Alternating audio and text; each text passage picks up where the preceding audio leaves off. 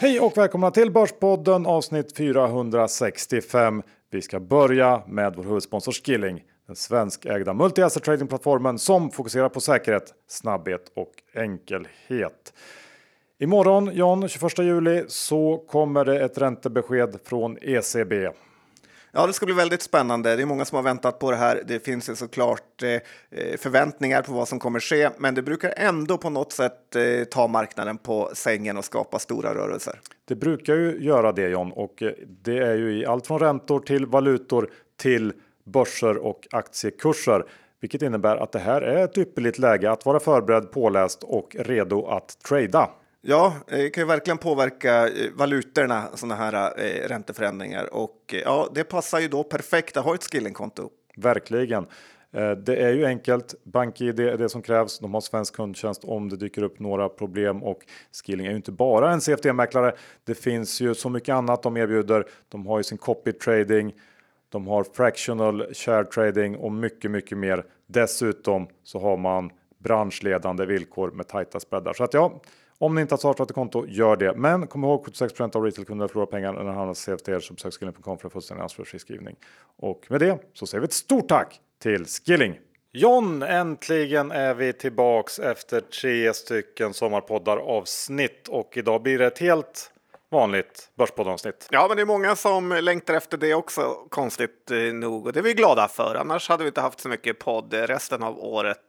Men det händer ju så sjukt mycket saker nu under rapportperioden så att eh, det kändes som att det var läge att bryta in med ett klassiskt eh, vanligt eh, Börspodden-avsnitt. Verkligen, och det blir såklart snack om det som har hänt här sista veckorna. Det, och det har ju hänt väldigt mycket. Det blir rapporter och det blir ja, allting helt enkelt. Men innan vi kör igång så är vi också sponsrade av Lunar och nu är det semestertider.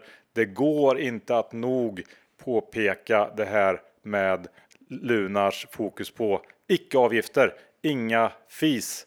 Och det märker man ju verkligen av när man är ute och reser för att det kostar ju fruktansvärt mycket om man vill till exempel ta ut cash med sitt vanliga bankkort i utlandet. Då är det valutapåslag och det är uttagsavgifter.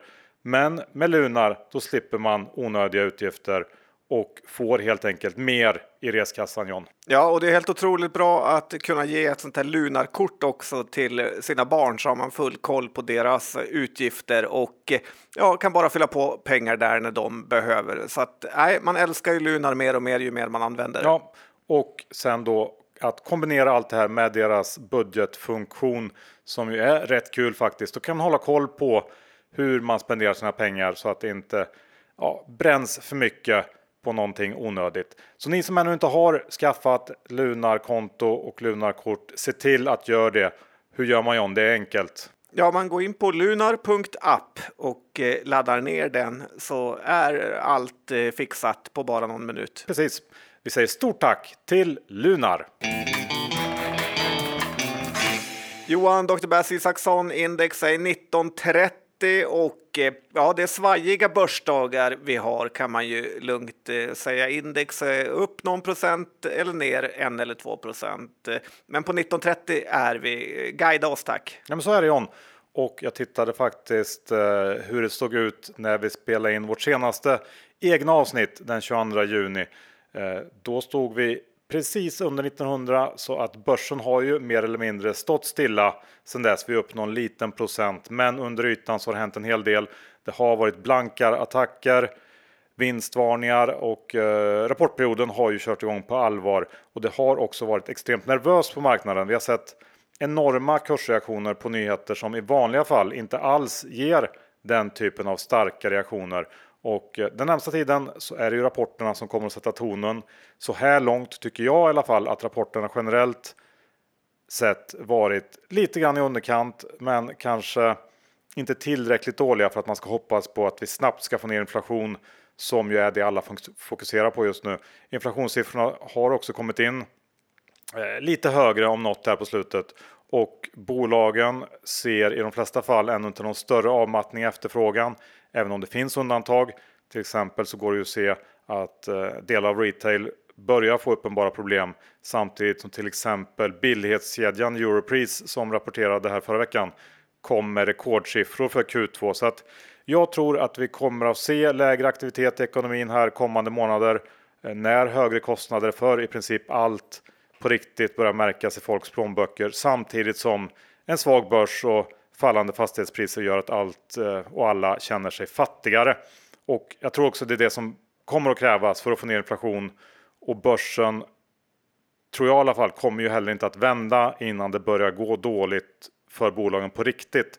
Så på något sätt så hänger allt det här ihop. Ja, men jag tycker att det är helt rätt och man vill ju nästan nu att rapporterna ska vara lite sämre så att eh, det kan vända upp igen sen. För som du sa, det kommer inte bli bättre förrän eh, några bolag har haft det lite tungt och ja, det är möjligt att vi har sett början på det här ja. och sen kan vi kanske ta fart på börsen här fram emot slutet av 2022. Eh, det är min take i alla fall. Ja, ja. Eh, men du... Men kan, men kan jag få fortsätta på en sak ja. Johan här, på en här klassisk sommarbörsgrej som du var inne på. Och jag tycker att man inte ska ta alla de här stora rörelserna som du pratar om på allvar eh, riktigt, utan man ska våga gå emot. Eh, till exempel i Bufab så såg jag att analytikern som följde det bolaget skrev i sin morgonrapport där att han trodde aktien skulle gå upp på sin rapport, men istället gick den ner 10 procent. Och sådana rörelser brukar vara ganska klassiska köplägen, även om det gäller att ha tur med tajmingen så att man inte börjar köpa för tidigt, vilket eh, såklart är väldigt lätt. Eh, eh, så även om du ligger på stranden och hör det här tycker jag ändå att man ska ägna lite tid till att kolla dagens vinnare och förlorare och tänka om den rörelsen verkligen är rimlig och sen kanske ta sig ett litet bett här. För de här utländska algosarna och robothandlarna har ju inte tagit semester utan de utnyttjar ju det här att det är en lekstuga nu till fullo. Eh, så att eh, det är inte mer än rätt om vi småsparare kan lyckas göra ett eh, fynd här och var.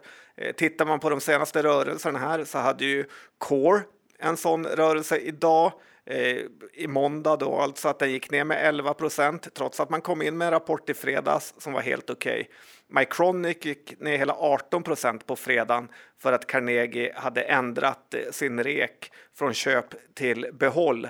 Så att det är verkligen, verkligen stora rörelser på börsen just nu som jag tror är lite överdrivna på grund av ja, men det vi kallar för eh, sommarbörs. Ja, nej, men jag håller helt med där. Eh, jag tänker vi går tillbaks till det här med lågkonjunkturen eh, och du har ju varit och spanat efter lågkonjunkturen i Italien, men har du hittat den? Nej, det har jag inte gjort Johan, för det känns lite som när man pratar om lågkonjunktur och att det är så tufft att den är påhittad helt. För det snackas ju om det överallt och jag kan ju säga att det inte gäller när det gäller resande. Hela Italien var ju totalt fullt av svenskar. Eh, nästan alla restauranger man var på fanns det andra svenskar, om det så var i Bergamo, Sirmione eller Milano. Eh, och billigt är det inte heller. Jag var tvungen att kolla lite på vad det kostar att åka med en familj i två veckor i Italien. Och eh, ja, när man tittar lite grann översiktligt, man blir inte glad. Eh, flyg 20 papp, hyrbil en 20, boende 30 kanske. Och så bränner man eh, 2-3 tusen om dagen på mat och saker att göra. Så att det blir ju över 100 000 på eh, en sån här eh, liten resa. Så att det är inte någon direkt Petrusco-semester att cykla i skogen och läsa tidningen på biblioteket och så. Eh, men även fast jag tog upp de här kostnaderna så är det är svenskar överallt. Så att jag tycker vi lite kan lugna ner oss med att det är helt eh, slut med pengar i hela samhället. Eller vad är din känsla från Marbella? Nej, jag vet inte. Marbella är ju kanske inte rätt eh, ställe att ta tempen på, för det här det är ju någon slags svensk eh, stad egentligen. Så att ehm, ja, det är såklart enormt mycket svenskar och jag tycker att inflationen märks ju på allvar eh, nu. Eh, alla restauranger har höjt priserna ganska rejält. Det märks och det, allting är dyrare än vad det var för något år sedan. Så är det bara. Så att inflationen, den är i alla fall inte påhittad. Det, det kan vi slå fast. Nej, men de passar väl på med också att höja. Ja, det gör de. Du, eh, tidigare år så pratade jag om att eh, man skulle släppa det här med var ens aktier i portföljen toppa förra året, vilken kursnivå det var eftersom det som pågick då på börsen, det var galenskap och det var en bubbla och jag tycker att den här eh, senaste veckans besked om Klarnas enorma eh, nedåtrunda sätter fingret på det. Ner 85% det är ju en riktig krasch och om vi på börsen ska gå från nivån som gällde under 2021, det vill säga att man går från en av de största bubblorna vi kanske någonsin haft till en ny nivå där vi tar hänsyn till inflation, högre räntor med då multipel kontraktion plus kanske en riktigt ruggig lågkonjunktur. Då är det ganska lätt att argumentera för att vi skulle kunna ha en hel del till att hämta på nedsidan innan eh, det vänder upp på börsen.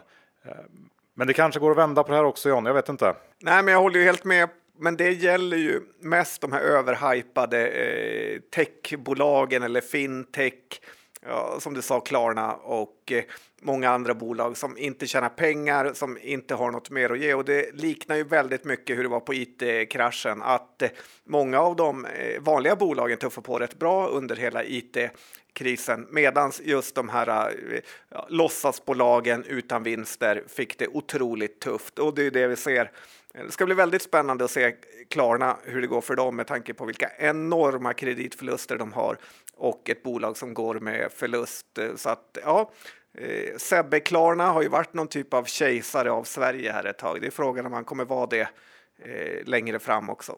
Men på den positiva sidan Johan, så jag tycker det du säger nu är lite det man läser överallt, att folk varnar för eh, hur mycket större nedgången egentligen kan bli och de här 25-30 procenten vi har sett på index eh, inte alls är så mycket om man jämför med andra kriser. Men då missar jag att världen tänker i dollar och eh, då har ju faktiskt eh, Stockholmsbörsen gått helt otroligt eh, dåligt. För fem år sedan så stod dollarn i, kan du gissa? Ja, men kanske åtta någonting. Ja, väldigt bra gissat. 8-10 och nu står den i kring 10-40 nivån här. Och bara för att få en känsla här så tycker jag man kan titta på den amerikanska ETFen EWD eh, som är en ETF eh, som investerar i Sverige och ja, handlas i USA då. Och den är faktiskt ned på fem års sikt. Och det här är ingen skoj-ETF eh, utan eh, största innehaven för den här ETFen är ju Atlas, det är Investor, Volvo, Nordea, så typ en OMX30 ETF. Och när man tänker så eh, så tycker jag att eh, ja, det faktiskt börjar eh, kanske bli ett ganska bra läge att börja köpa aktier igen.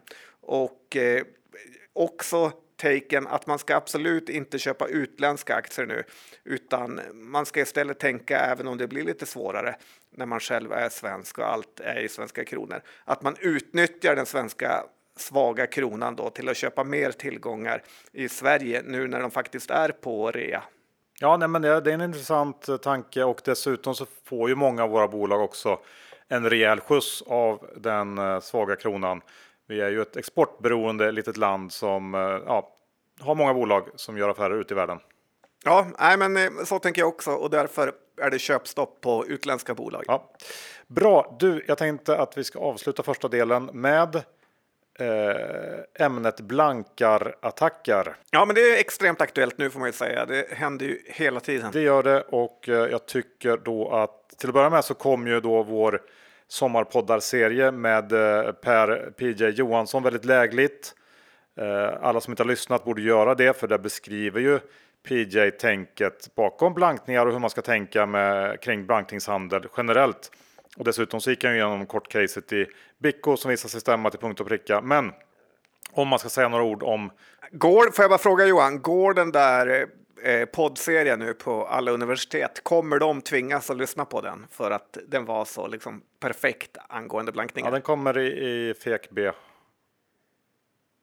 FEK B, vad jag har okay. hört. Ja, men det, är bra. det är väl inte helt spikat, men det snackas om det.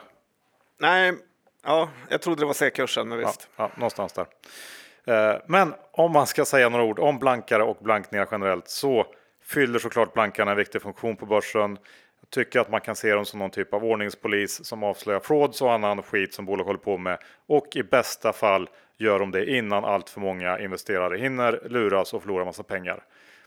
Men eh, man ska också ha med sig att precis som att det inte är någon uppgångsgaranti när en förvaltare uttalar sig om sina favoritcase med skyhög potential i dagens industri så betyder inte heller en blankare attack att de alltid har rätt. Och Eh, det finns såklart avarter i bägge läger.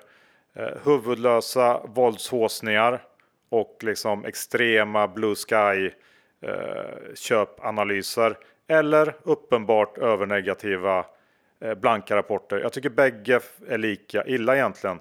Och eh, i fallet här med Sinch i veckan när en eh, mer eller mindre okänd blanka firma dyker upp utan eh, kontaktuppgifter och domänen reggad på något slags skumt eh, ställe så är det ju uppenbart att man av en eller annan anledning inte vill visa upp eh, vem som står som egentlig avsändare av den här analysen. Och det eh, i sig så tycker jag är, är liksom illa. Och i Sinch-fallet så sänker det analysens trovärdighet och signalerar egentligen mest att man vill få till en snabb eh, panikreaktion, tror jag. Eh, vi kommer att prata mer om det som hände i Sinch senare i avsnittet, men hur som helst så får man leva med eh, blankare. Och om ett bolag man själv äger blir attackerat, då uppstår ju möjligheter att både köpa och sälja beroende på vad blankarna har grävt upp. Och eh, istället för att liksom klaga och grina på det så ska man ju försöka utnyttja det. Och det finns det och har funnits här under veckorna som gått eh, verkligen tillfällen att göra. Ja, men det är otroligt lätt att eh, känna sig eh, kränkt eller eh, ja, förbannad på blankarfirmorna när de förintar ens aktie. Eh, men ofta, ofta så finns det något eh, av substans i de här rapporterna. Och även i Sinch eh, fall så ja, de träffar ju aktien när den eh, är som svagast. Och eh, det tyckte jag snarare var ett tecken på att eh, det kanske var lite något lurt med den här blanka rapporten eftersom det var väldigt svårt för företaget att eh, försvara sig eh, under den här tysta perioden. Ledningen fick inte köpa aktier, rapporterna inte kommit och så vidare. Så att eh, nej, det är mycket fulspel i finansbranschen. Det ska man ha med sig. Vi är denna vecka sponsrade av årets fondbolag Kliens kapitalförvaltning och Kliens förvaltar ju totalt åtta fonder, varav fyra svenska aktiefonder som tillsammans då täcker hela spektrat av den svenska börsen. Från de största bolagen till de allra minsta så kallade microcap-bolagen, John. Ja, och jag kan ju inte sticka under stolen med att Carl Sundblad är eh, ja, både lite av en idol men också en otroligt duktig förvaltare. Jag tittar lite här i innehaven över Klients småbolag största innehav och ja, vad sitter han då med? Jo, Adnode.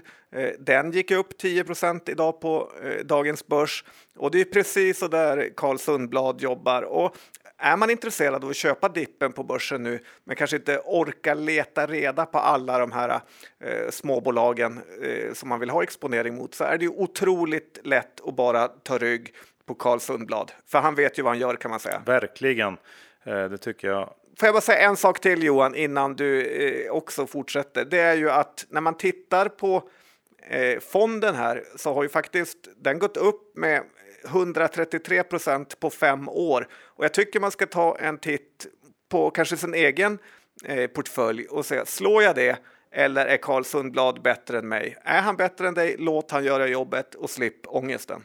Bra eh, funderingar där John, jag håller med. Det kan man absolut titta på. Eh, är man intresserad av att lära sig mer om eh, Klients olika fonder så tycker jag att man ska surfa in på kliens.se. Där kan man signa upp sig på nyhetsbrev och få massor av matnyttig info. Men kom ihåg, historisk avkastning är ingen garanti för framtida avkastning. Pengar som placeras i fonder kan både öka och minska värde och det är inte säkert att du får tillbaka hela det insatta kapitalet. Och med det säger vi stort tack till Kliens kapitalförvaltning. John, jag tänker att vi ska börja andra delen med eh, förra veckans kanske mest spektakulära händelse. Jag tänker på Bicko och den eh, krasch som vi fick se under fredags eftermiddagen. Ja, den var inte så gosig om man ägde aktier i det här bolaget. Och det gjorde ju tyvärr 16 000 avancianer så att eh, nej, det är riktigt Eh, eh, mycket nyhetsvärde det här kan jag säga. Bolaget Bicco hette ju tidigare Cellink och eh, var väl kanske tillsammans med Sinch ett av de här bolagen som var allra mest hypade under den här galna uppgångscykeln vi såg under eh, förra året. BIK har ju tappat från 600 kronor ner nu till 32 kronors strecket och det efter att då i fredags då tappat hela 60 procent och då kan det vara lämpligt kan man tycka att den här Gusten och Gattenholm, Gatenholm kanske man säger, eh, och allt vad de heter, har lyckats sälja väldigt mycket aktier på 600 kronors nivån. Det är de inte ledsna för idag, eller vad tror du? Nej, jag tror inte att de är så ledsna för det. Nej, men idag hade ju också, alltså måndagen då, så hade ju Biko en telekonfa här. Och ja, de tog väl Evos rekord lite grann och inte säga någonting. Utan det var mest någon timme där att de fick skäll av analytikerna som eh, ja, har väl gått bort sig här. Och du sa det tidigare, men det är ju så otroligt imponerande av PJ att han gjorde en eh, fin call här och eh, synade ner det här eh, caset. För precis allt går ju käpprätt eh, för Biko eh, just nu. Och det är nästan så att man är imponerad av alla de här 16 000 avansianerna, att de lyckas hitta de, verkligen alla surdegar. Och sen får man också säga att det är lite tragiskt att se hur våra AP-fonder investerar i sånt här skräp eh, utan att de förstår någonting, utan att de eldar istället upp eh, våra pensionärers eh, pengar för att de vill verka som att de är inne. Jag kan tycka att de borde få mer eh, kritik av det här. Och, Bicko som bolag, alltså det är en otroligt tuff period de har framför sig. De tjänar inga pengar. Eh, det är fortfarande värt eh, några miljarder. Så att, nej, de har det tufft Johan. Vad, vad är din take av hela den här härvan? Nej, men jag håller med.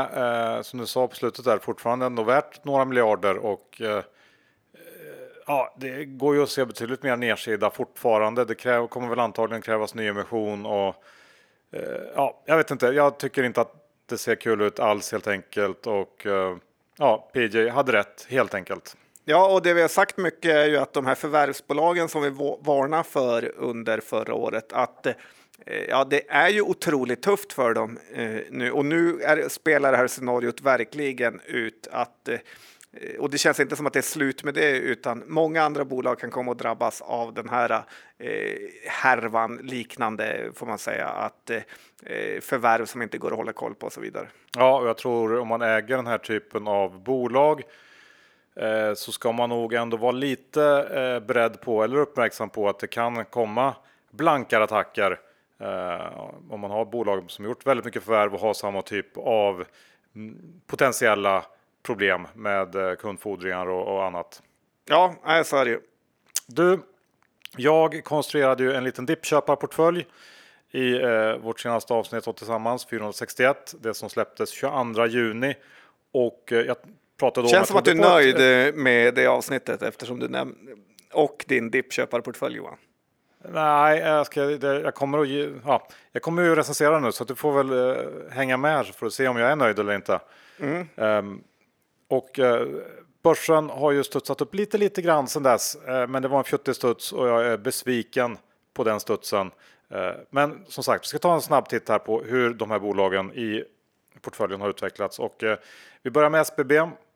Det har ju fortsatt storma kring SBB och Ilja, men man får ändå säga att Ilja har agerat nästan varje dag så säljs det någon kåk och det är väl det enda rätta just nu. Det enda han kan göra. Han måste banta balansräkningen, få loss kapital. Aktien stod i 16 jämnt när avsnittet sändes. Eh, handlas eller stängde nu då på måndagen när vi spelar in på 16.60 men var uppe på 20 och vände ett par gånger. Så det har gått att tjäna lite pengar i den här om man haft tajmingen med sig. Men givet risken så är jag inte alls nöjd med den här utvecklingen. Jag eh, hade lite förhoppningar om att Ilja skulle Eh, lyckats framkalla en liten short squeeze, men det har han inte lyckats med. Nej, det kan man inte säga att han har gjort. Och lite undrar jag om man kanske måste börja fråga sig om Ilja gör det som är bäst för bolaget just nu eller om han gör det som är bäst för eh, han själv för att fortsätta med den här utdelningen samtidigt som man tar in pengar dyrt och eh, han kränger av fastigheter för att få en bättre balansräkning. Det är ju galenskaper. Jag tror faktiskt alla aktieägare hade förstått om SBB hade pausat utdelningen ett tag. Eh, säg bara att han hade börjat med året ut eller något sånt för att få ordning på verksamheten, stoppa eh, kurskraschen. Eh, eller bara använda de här pengarna till att köpa tillbaka skuld till reapris istället för att dela ut den. Eh, det börjar ju kännas mer och mer uppenbart att den här utdelningen främst eh, finns till för att eh, Ilja behöver den för sin egna finansiering. Eh, för jag kan tänka mig att nästan alla andra av vanliga bolag, om man säger så, hade ju slopat utdelningen då. Och, ja, och där tycker jag Balder faktiskt har en stor fördel som inte betalar någon utdelning och Erik Selin istället kan använda de här pengarna efter eget huvud till ja, vad som är bäst eh, för tillfället för bolaget. Ja, men jag håller helt med. Jag tycker du slår huvudet på spiken här. Det är såklart eh, inte alls rätt för SBB att dela ut massa pengar. nu. De borde ju självklart hålla kvar så mycket som möjligt i bolaget eh, för att få lite extra hjälp liksom, att lösa den här härvan som man sitter i. Så att eh, på något sätt så visar du här det här med belåning och hur eh, jobbigt det kan bli när det går snett.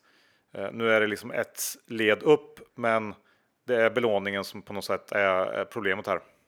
Ja, det är ju den finansiella kärnvapnet som Warren Buffett brukar säga. Samtidigt hade han inte haft fastigheter för 157 miljarder om han inte hade jobbat med belåning. Nej, det kan man ju konstatera. Vi går vidare. Sen har vi eh, Elekta. Den står i 67 när dippköparportföljen tog in den. Nu knappt 72. Eh, inte någonting alls som hänt där egentligen, men drygt 7% Det tycker jag ändå är helt okej okay i ett bolag som Elekta. Så att, eh, ja, gott så. Sen har vi Mips in i portföljen på 466. Den har faktiskt tappat 3,5% Det lossnade eh, aldrig där heller och jag förstår nog det egentligen givet hur sura konsumenterna verkar vara där ute. Och jag tycker också att det är lite av en varningssignal när det faktiskt inte kommer någon form av studs eller motreaktion alls i en aktie som är så nedtryckt. Eh, så gissningsvis så har vi en riktigt usel rapport på G från Mips här eh, framöver. Ja, men det tror jag också. Det är ju lite den här känslan av att eh, eh utetrenden och eh, cykla och eh, sådana saker har lugnat ner sig ganska ordentligt. Eh, så att nej, eh, där är nog bara att ge upp det caset för till, innan rapport. Ja, det tror jag också. Truecaller blev en av de bättre innehaven, gått från 50 till en bit över 60 på den här ganska darriga börsen och det tycker jag är starkt. Och sen har vi Vitrolife och deras magiska sås. Eh, blev också en fullträff.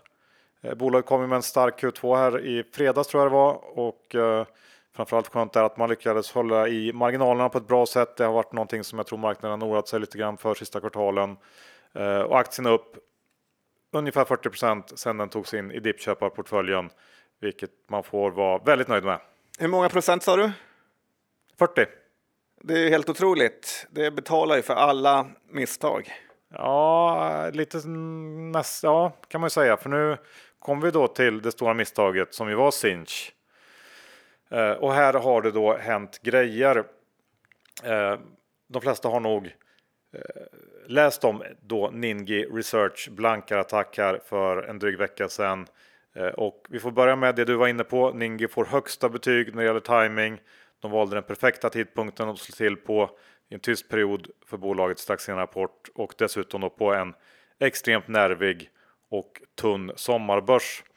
Eh, det sägs ju att man inte ska sparka på den som ligger, men uppenbarligen så funkar det väldigt bra för Sinch har, har Eh, nästan halverats sedan den här blanka rapporten släpptes och eh, jag tror att en delförklaring till den här kraftiga reaktionen är dels att alla förvaltare just nu är ovanligt känsliga för risken att sitta på ett bolag som blir anklagad för den här typen av redovisningstricks. Då är det bättre att stoppa ur sina aktier än att riskera att sitta med hela vägen ner. Sen ska man också ha med sig att en starkt bidragande orsak till det kraftiga fallet är ju att Sinch också strax efter den här rapporten kom med, vi får väl kalla det en vinstvarning. De gick ut med en historisk omvärdering av kostnad för sålda varor för förra året, alltså 2021. Eh, men den här omvärderingen kommer att belasta Q2 med 162 miljoner och i korthet så handlade det om att Sinch har fått betala mer för alla de miljarders sms som eh, de skickar ut än vad man tidigare trott. Och jag gissar att det här har att göra med alla förvärv som man har genomfört på kort tid och svårigheten att konsolidera dem med eh, vad ska man kalla bibehållen kontroll på verksamheten helt enkelt. Eh, här, just den här grejen var ju ingenting som eh, blanka firman tryckte på alls, men det gav ju en känsla av att Ningi var rätt ute och eh, Eh, hade, var någonting på spåren helt enkelt. Ningi menar ju att den stora ökningen av kundfordringar man sett Sinch på slutet beror på att de har blåst upp omsättningen och att en stor del av de här kundfordringarna därför kommer att behöva skrivas ner, att det är luft helt enkelt. Eh, Sinch bemötte de här anklagelserna i en telefonkonferens. Jag tycker att de gjorde ganska bra jobb där. Eh, enligt Sinch så finns det inget konstigt i sättet man bokar intäkter på och eh, flera av de här stora punkterna i blanka rapporten tycker jag förklarades på ett, ett rimligt sätt. Eh, Sinch rapporterar ju sin Q2 på torsdag och då blir fokus att leverera ett starkt kassaflöde, eh, vilket skulle vara ett bra sätt att motbevisa blankartesen. För om det inte är något problem med kundfordringarna, då borde kassaflödet vara starkt här och ledningen indikerade faktiskt under det här kolet att vi kommer att få se tydliga förbättringar på den här punkten eh, kommande kvartal. Eh, så att det är lite som PJ sa, som blankare så kanske man identifierar en handfull bolag som har eh, en typ av problem eh, och sen så havererar några av de här och några löser problemen. Eh, så att det får man också med sig och givet att Sinch levererar i linje med vad de sa på konfan så tror jag ändå att de har eh, helt okej okay chanser att reda upp eh, i alla fall delar av det här. Så att eh, rapporten på torsdag blir viktig och ja, det blir spännande helt enkelt. Ja, men det är underdrift att rapporten blir viktig. Eh, lite hade jag ju, om jag hade varit vd på Sinch så hade jag ju släppt rapporten typ en eller två dagar efter eh, för att visa att det inte var så här och sen hade insynspersoner eh, kunnat köpa aktier och verkligen mota Olle i grind här. Men Sinch är ett förvärvsbolag. Jag gissar att många av deras förvärv eh, Eh, och jag kan tänka mig att Sinch behöver göra stora nedskrivningar eh, på de här förvärven. Å andra sidan har ju aktiekursen fullständigt havererat med så att det borde ju ligga i kursen. Eh, jag har ändå bettat lite grann på att Sinch har rent mjöl i påsen här under sista dagarna här. Så att jag hoppas att de inte skämmer ut Sverige utan att de faktiskt kan leverera. Ja, men jag har också gjort det. Det finns ju någonting som heter When in trouble double och det är precis vad jag har gjort. Eh, så att eh, jag bara hoppas på en Q2 som sänder rätt signaler. Ehm, delvis eh, tog jag det här beslutet också för att jag tycker, som jag sa i början, att de här Ningi Research inte riktigt kändes helt rumsrena de heller. Så att jag, jag hoppas att de har försökt få till en, en snabb reaktion och att de ja, är ganska snabba på att ta in också. Men vi får se.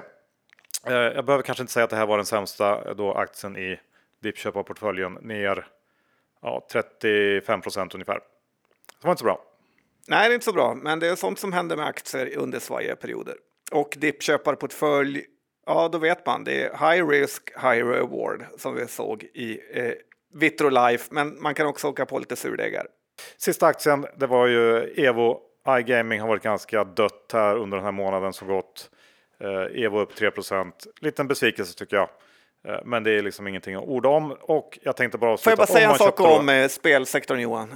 också. Ja. Känns som att jag eh, måste bryta in mycket här för att jag har så bra saker att komma med. Men det är ju att det känns tufft för sportsbettingbolaget här nu under närmsta eh, två kvartalen när det inte har varit någon EM eller VM eller OS. Eh, så att eh, jag tror de kan ha det tufft här faktiskt under Q2 och Q3 sportsbettingbolagen då. Räknas inte dam-EM menar du? Eller? Eh, nej, jag tror inte britterna är lika eh, hårt spelande där faktiskt. Ja, nej, men jag håller med, det är väl en eh, lite tunnare sportagenda. Men å andra sidan så har man ju vetat det ganska länge. Och man har det framför sig. Eftersom e VM i Qatar hålls i november om jag kommer ihåg rätt. Precis. November, december kanske lite grann. Men om man då köpte en likaviktad portfölj av de här aktierna så har man, vad tror du, hur har det gått? Plus 4 procent. Ja, bra gissat, plus 5,7 procent. det är ändå inte jättekrispigt betalt för att hålla på och få eh, stroke dag in och dag ut av aktier. Nej, det är väl just den här eh, stroke-kryddan som gör det lite jobbigt eh, att man bara fick 5,7 procent. Så tyvärr måste jag ge mig själv underkänt här. Jag hade velat se en bit över 10% för godkänt, men eh, då Sinch-härvan kostar för mycket. jag räknar faktiskt på också om Sinch hade gått plus minus noll, då hade portföljen kommit upp en bit över 10% Så att det var där mitt eh, G eh, blev ett IG. Ja, men jag tycker ändå det var helt okej okay att det blev eh, godkänt och eh, eh ja, det gör man som du och jag, when in double trouble, att eh, köpa mer Sinch så kan man faktiskt utnyttja eh, den här dippen. Det är det som är kul med aktier. Det finns ingen bortre tidshorisont direkt, utan eh, det är som ett levande spel hela tiden. Ja, I'm sorry. Nu vill jag veta vilken rapport tycker du har varit bäst so far i rapportperioden? Det kan bli spännande att höra. Ja, men vi har gått igenom så många tråkiga aktier så att lite kul med att hittills den bästa eh, eh, rapporten tycker jag Proact eh, kom med. Eh, du vet Proact med den här vdn som är så lik eh, Tom Wabs Gambs i Succession att det är löjligt. De är ju typ identiska. Ja. Den här vdn var ju på grendagen faktiskt och han var ju ännu mer lik i verkligheten så att jag tjuvtog lite kort på honom. Ska jag lägga ut den bilden på Insta eller? Det tycker jag. Absolut. Är det, är det GDPR OK? Ja, vi säger att det är det. Han får eh, skicka och klaga annars. Nej, men jag tycker att eh, det är ju kul för eh, eh Proact som verkligen levererar med den här Q2. Och eh, lite cred till affärsvärlden med får man ge dem. Jag har varit hård med dem många gånger för deras rekar, men det här var en väldigt fin köprek och eh, jag tror att vdn Jonas Hasselberg som han heter Eh, kan nog börja göra sig redo för lite större jobb här framöver. För att under de här omständigheterna eh, som alla bolag har nu, att då gå in och monsterleverera, eh, det ger faktiskt eko. Aktien har ju gått nu från 75 till 88 och om börsen blir lite mer positiv och inte lika rädd så tror jag nog att all time high i Proact inte behöver vara allt för långt bort eh, faktiskt. Molnbaserade lösningar i närområdet känns ju faktiskt eh, väldigt hett nu. Så att nej, eh, all cred till Proact.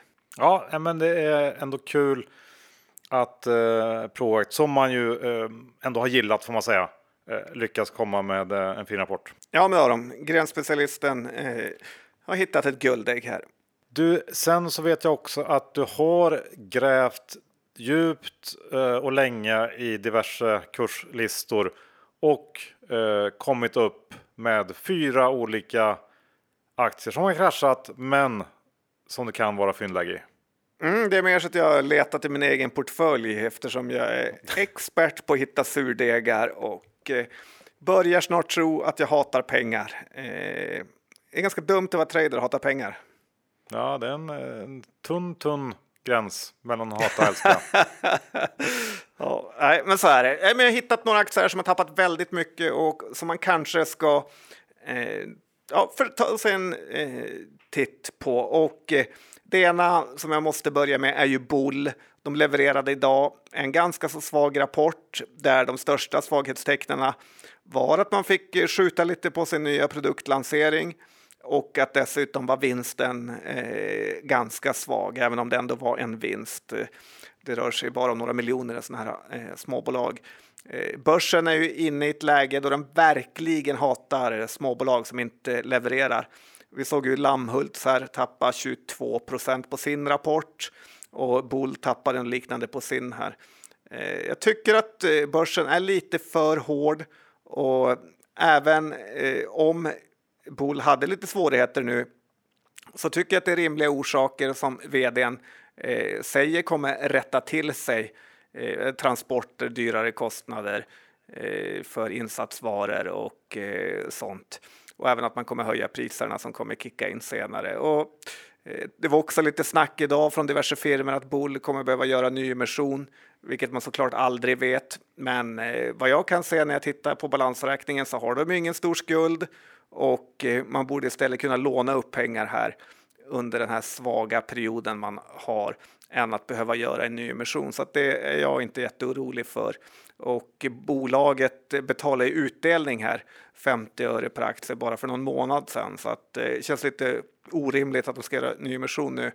Och sen är frågan när det kommer sådana här eh, kallduschar i kursutveckling om man ska sälja eller köpa Eh, Eh, det enkla är ju att välja sälja, men jag tror ändå att eh, Om man tittar på ägarna här i grenspecialisten och Svolder så tror jag att de kommer hjälpa bolaget att reda ut det här. Eh, och i och med att försäljningen för Bol fortfarande växer så tror jag att den här aktien eh, visserligen kan tappa mer på kort sikt, men tittar man lite längre så känns det som ett eh, hyggligt eh, köpläge. Jag har köpt lite mer här och eh, jag har tvingat BP-väskan att köpa lite också, men det här är ju ingenting för kreti och pleti eh, direkt. Jag har bara lite svårt att se att en fjärdedel av ett bolags eh, värde raderas ut för man viss, missar eh, vinsten med några miljoner. Så det är en av de här eh, fyndaktierna, high risk, high reward på mm. lite längre ja, sikt. Då. Ja, nej, men jag håller väl med och jag kan förstå båda sidor på något sätt. Ehm, det har väl varit lite svaga kvartal nu och eh, jag vet inte om eh, några fick bara nog eh, på dagens rapport. Ännu en liksom halvtråkig rapport. Det är klart att 20% plus ner är ju för mycket, men, men ja, blir man lite rädd för en eventuell nyemission så där också så mm, ja, ibland så tar man stoppen helt enkelt så att jag förstår den reaktionen. Eh, men jag håller också med om att, eh, att det är viktigt att titta på ägarna. Vi brukar prata om det. Och grenspecialisten är ju bland de bättre ägarna man kan ha med sig på eh, Stockholmsbörsen. Så att jag hoppas och tror att eh, Gren-gänget kommer att eh, guida bolaget rätt helt enkelt, vad det lider. Ja, man får ju tänka att det är alternativkostnad med att vissa orkar liksom inte sitta här och vänta ett halvår på att det ska repa sig, utan då är det bättre att ta eh, en torsk och sen gå vidare. Mm. Ett, ett, annat bolag som vi har tittat på eh, och som också kommit med rapport är ju Projektengagemang eh, som är ett härvbolag med eh, som det inte riktigt vill för sig. Denna här projektkonsulten får man väl säga att det var, är, har haft en aktiekurs som gått från 50 till 16 kronor sedan eh, 2018 då de kom in på börsen. Och eh, det här är ju under en period där faktiskt konsulter varit eh, väldigt eh, starka, alltså eh, den typen av aktier. Men jag tycker ändå när man läser rapporten att man kan se ganska bra förbättring av verksamheten här. Det är sagt till oss att det här var ett hopkok av förvärv som sattes på börsen när det kom in då och som sen havererade Eh, men nu har de hållit på med det här renodlingsarbetet ett tag och man har tagit bort verksamheter som bara kostar eller där man eh, eldar för kråkorna så att eh, säga. Så att gillar man turnarounds inom småbolag som är ganska lågt värderade så tycker man har en spännande kandidat här.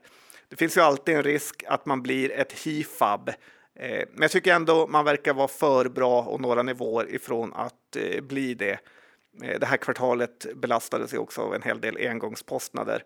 Eh, och man ska ju också komma ihåg att vi har en svag Q3 framför oss som vi har i många eh, konsultbolag när det är semester och så vidare. Så att, nej, jag tycker ändå man ska ha koll på den här om man är lite long term turnaround eh, investerare. Ja, men jag ska, det var ett tag sedan jag kollade på eh, peng. Jag ska ta och göra det nu igen. Eh, det man kanske också kan vara lite orolig för är väl eh, konjunkturläget om vi går mot lite sämre tider. Det kanske inte är tipptopp för en spelare som Peng. Nej, helt rätt. Eh, och när det gäller aktier finns det alltid massa saker att vara orolig för. Men det är möjligt att eh, eh, det kommer vara tufft. Däremot är värderingen på det här betydligt billigare än alla andra. Men, men. Mm. sen, Nästa. Jag kan, ja, jag kan inte släppa det här med Cloetta faktiskt. Att de kom in med en sån ja, men ganska så fin rapport ändå, men blev eh, straffade av börsen ändå. Eh, de hade lite kostnader för det här eh, fabriksbygget. Eh, verksamheten gick fint. Det gick bättre än man trodde eller marknaden trodde. Men alla är så extremt osugna på Cloetta nu sen det här fabriksbygget kom upp till ytan så att ingen vill ta i den och aktien är nu 20 kronor. Men jag undrar faktiskt inte om det börjar bli nästan läge för de här Malfors Promotors att plocka ut det här bolaget från börsen så slipper man fighten i media och kan göra lite eh, som man vill. Eh, om man vill komma över bolaget billigt eh, så har de i alla fall spelat alla, rätt, alla kort rätt med att sänka kursen inför. P12 här nu känns som en hyfsad inflationshedge. Så man tröttat på alla hypade bolag så då kan man kliva på här. Ja, men det tycker jag är intressant spaning. Ehm, om man är vi är också skyddad eh, till stor del från en låg konjak om den kommer. Eh, Kexchoklad köper man ju alltid. Så att, nej, men jag, jag, eh, det där tycker jag man ändå kan fundera på även om de har betett sig dåligt. Cloetta. Ja, sen har den här e-handelsmaten eh, har väl dött lite grann, så det hotet känns ju också eh, borta. Och sen det sista som jag vet inte vad du tycker om det här, men det är ju Enea, bolaget som kanske till och med utmanar Byggmax och går om dem i att göra de sämsta återköpen den här perioden i alla fall.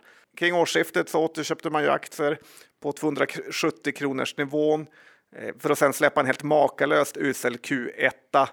Och jag tycker det är märkligt hur styrelsen bara beslutar om en sån här grej trots att man ändå måste se att verksamheten inte riktigt eh, fungerar. Q2-rapporten som kom i dagarna var ju också dålig, även om jag kan tycka att man hade flaggat lite för det i den här usla Q1-rapporten att det inte skulle gå att vända så fort. Men börsen har ju väldigt kort minne på rapportdagar. Nu står aktien i 90 här och jag funderar på om det kanske ändå inte är läge att börja snitta in sig. Svag börs följt av två svaga rapporter i ändå ett kvalitetsbolag eh, tycker ja, att det börjar bli spännande att köpa den fallande kniven nu. Ja, eh jag har inte så starka åsikter om just Enea. Eh, tycker alltid att det är lite svårt att förstå vad de egentligen håller på med, men eh, möjligt att du har rätt här. Får kika på den också. Ja, men då har du fyra aktier att kika på. Kan vi gå Tack. igenom det eh, någon gång när jag är bättre än 4 procent Johan. Ja.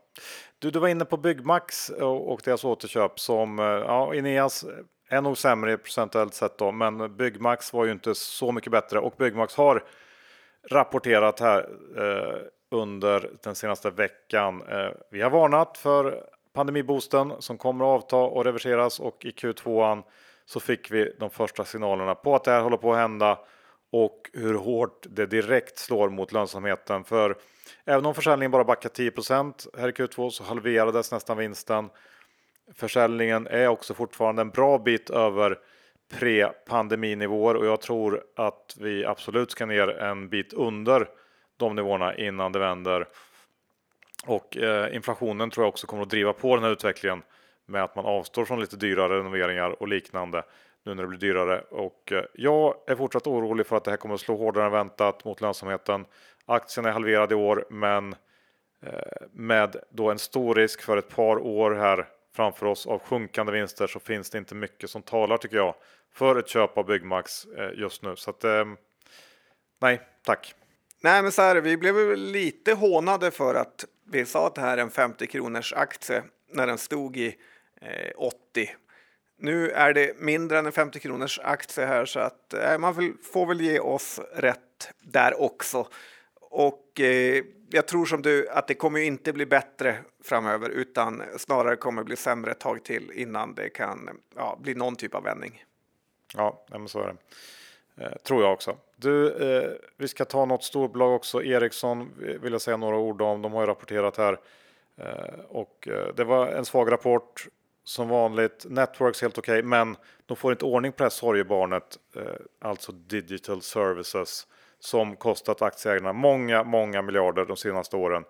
Och här tycker jag att man måste ge ett rejält underkänt till ledningen för att de inte lyckas vända den här delen som helt okontrollerat orsakar en dryg miljard i förlust per kvartal i princip. Och det är synd att man eh, inte har hanterat det här på ett bättre sätt, för det handlar ändå om en ganska liten del av totalen, men det drar ner helhetsintrycket och värderingen av Ericsson i stort. Sen att man fullföljer Fonage-förvärvet, det är ju totalt, totalt eh, underkänt och visar på noll fingertoppskänsla och affärsmässighet. Det här är ett bolag som antagligen skulle vara ner 80-90% på börsen utan Ericssons bud.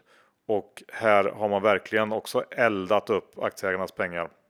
Dessutom har vi problem med DOJ och man undrar lite vilka härvor som kan dyka upp i ett sämre konjunkturläge också. Så jag är inte eh, sugen på att köpa Ericsson nu trots den, den eh, ja, relativt låga värderingen ändå. Nej, men jag håller med, det är en skam att de fortsätter med Fonage och eh, hela styrelsen Ericsson borde få kicken. Hårda bud, men eh, så är det tyvärr. Och John, innan vi tackar för oss så ska eh, Spread John eh, gästa oss igen och komma med en ny spread eh, trade helt enkelt. AB-aktier. Ja, faktiskt. Det har ju blivit eh, ett litet spreadsegment här som då och då har nosat sig in och eh, då den senaste traden blev en succé om du har följt upp den, det var den SEB-spreaden som verkligen har eh, gått ihop. Så tänkte jag ta upp en ny trade man kan göra om man tycker det här är intressant. Det är lite överkurs, men jag tycker ändå att det är värt att ta upp. Och det är ju Investor A och B-spreaden. Har du koll på den? Mm, ingen koll alls faktiskt. Nej, för det är ju så att eh, under i princip de senaste fem åren så har det aldrig skilt eh, mer än någon krona mellan A och B-aktierna i Investor. Men nu har den här spreaden dragit iväg rejält och det är nästan 20 kronors skillnad där Investor B står i 175 och A-aktien i 195. Och troligen är det då utländska fonder som tillfälligt lastar in den illikvida A-aktien eh, som har gjort att det här tillfället har dykt upp. Eh, så antingen långar man B-aktien och eh, blankar A-aktien så har man gjort sin eh, 20 kronors spread där. Eller så tittar man noga i portföljen och ser om man har några A-aktier så byter man dem till B-aktier så har man fått eh, nästan fem års direktavkastning bara rakt av på den traden. Så jag tycker att det är värt att uppmärksamma. Slut på avsnitt 465. Vi ska säga ett stort tack till Skilling och påminna om att eh, se till att ha ett konto redo igång nu när vi har sommaren. Eh, vi har ju sett här sista veckorna hur enormt mycket händelser och hur stora kursrörelser som sker under sommaren och då vill man vara redo och kunna handla 24-7, eller hur John? Ja, men så här är det ju tjänstefel att eh, inte snabbt eh, kunna sticka in och göra en trade och dessutom är det väldigt kul med. Ja, så gå in på skilling.com eller ladda ner appen och kom igång. Men kom ihåg 76 av retailkunder förlorar pengarna när de har CFD så besök skilling.com för en fullständig ansvarsfri skrivning. Innehavsredovisning idag John. Det eh, ska vi se. Vad har jag kvar av dippköparportföljen? Jag har kvar eh, Truecaller, jag har kvar Sinch, eh, jag har kvar Evo. Det är nog de bolagen vi har pratat om idag som jag äger. Hur ser det ut för dig? Ja, men jag har Enea, jag har Cloetta, jag har Peng, jag har Bull och eh, sen har jag också Sinch som eh, du nämnde. Så att eh, nej, man är väl hyfsat insmetad. Så för, har jag för mig faktiskt att eh, BP-väskan också har lite Ericsson om jag kommer ihåg rätt. Mm, det var inte så bra. Det får vi kanske ta och titta lite på. ja, och den har väl också lite bull och eh, så. så att, nej, lite Truecaller kanske också? Bäst. Ja, Truecaller har den. Tack för det. Ja, ja, bra. Och Finch har den med. Så är det. Bra. Och med de orden så återstår det bara att säga tack för att ni lyssnade. Vi hörs om en vecka igen. Hej då! Det gör vi. Hej då!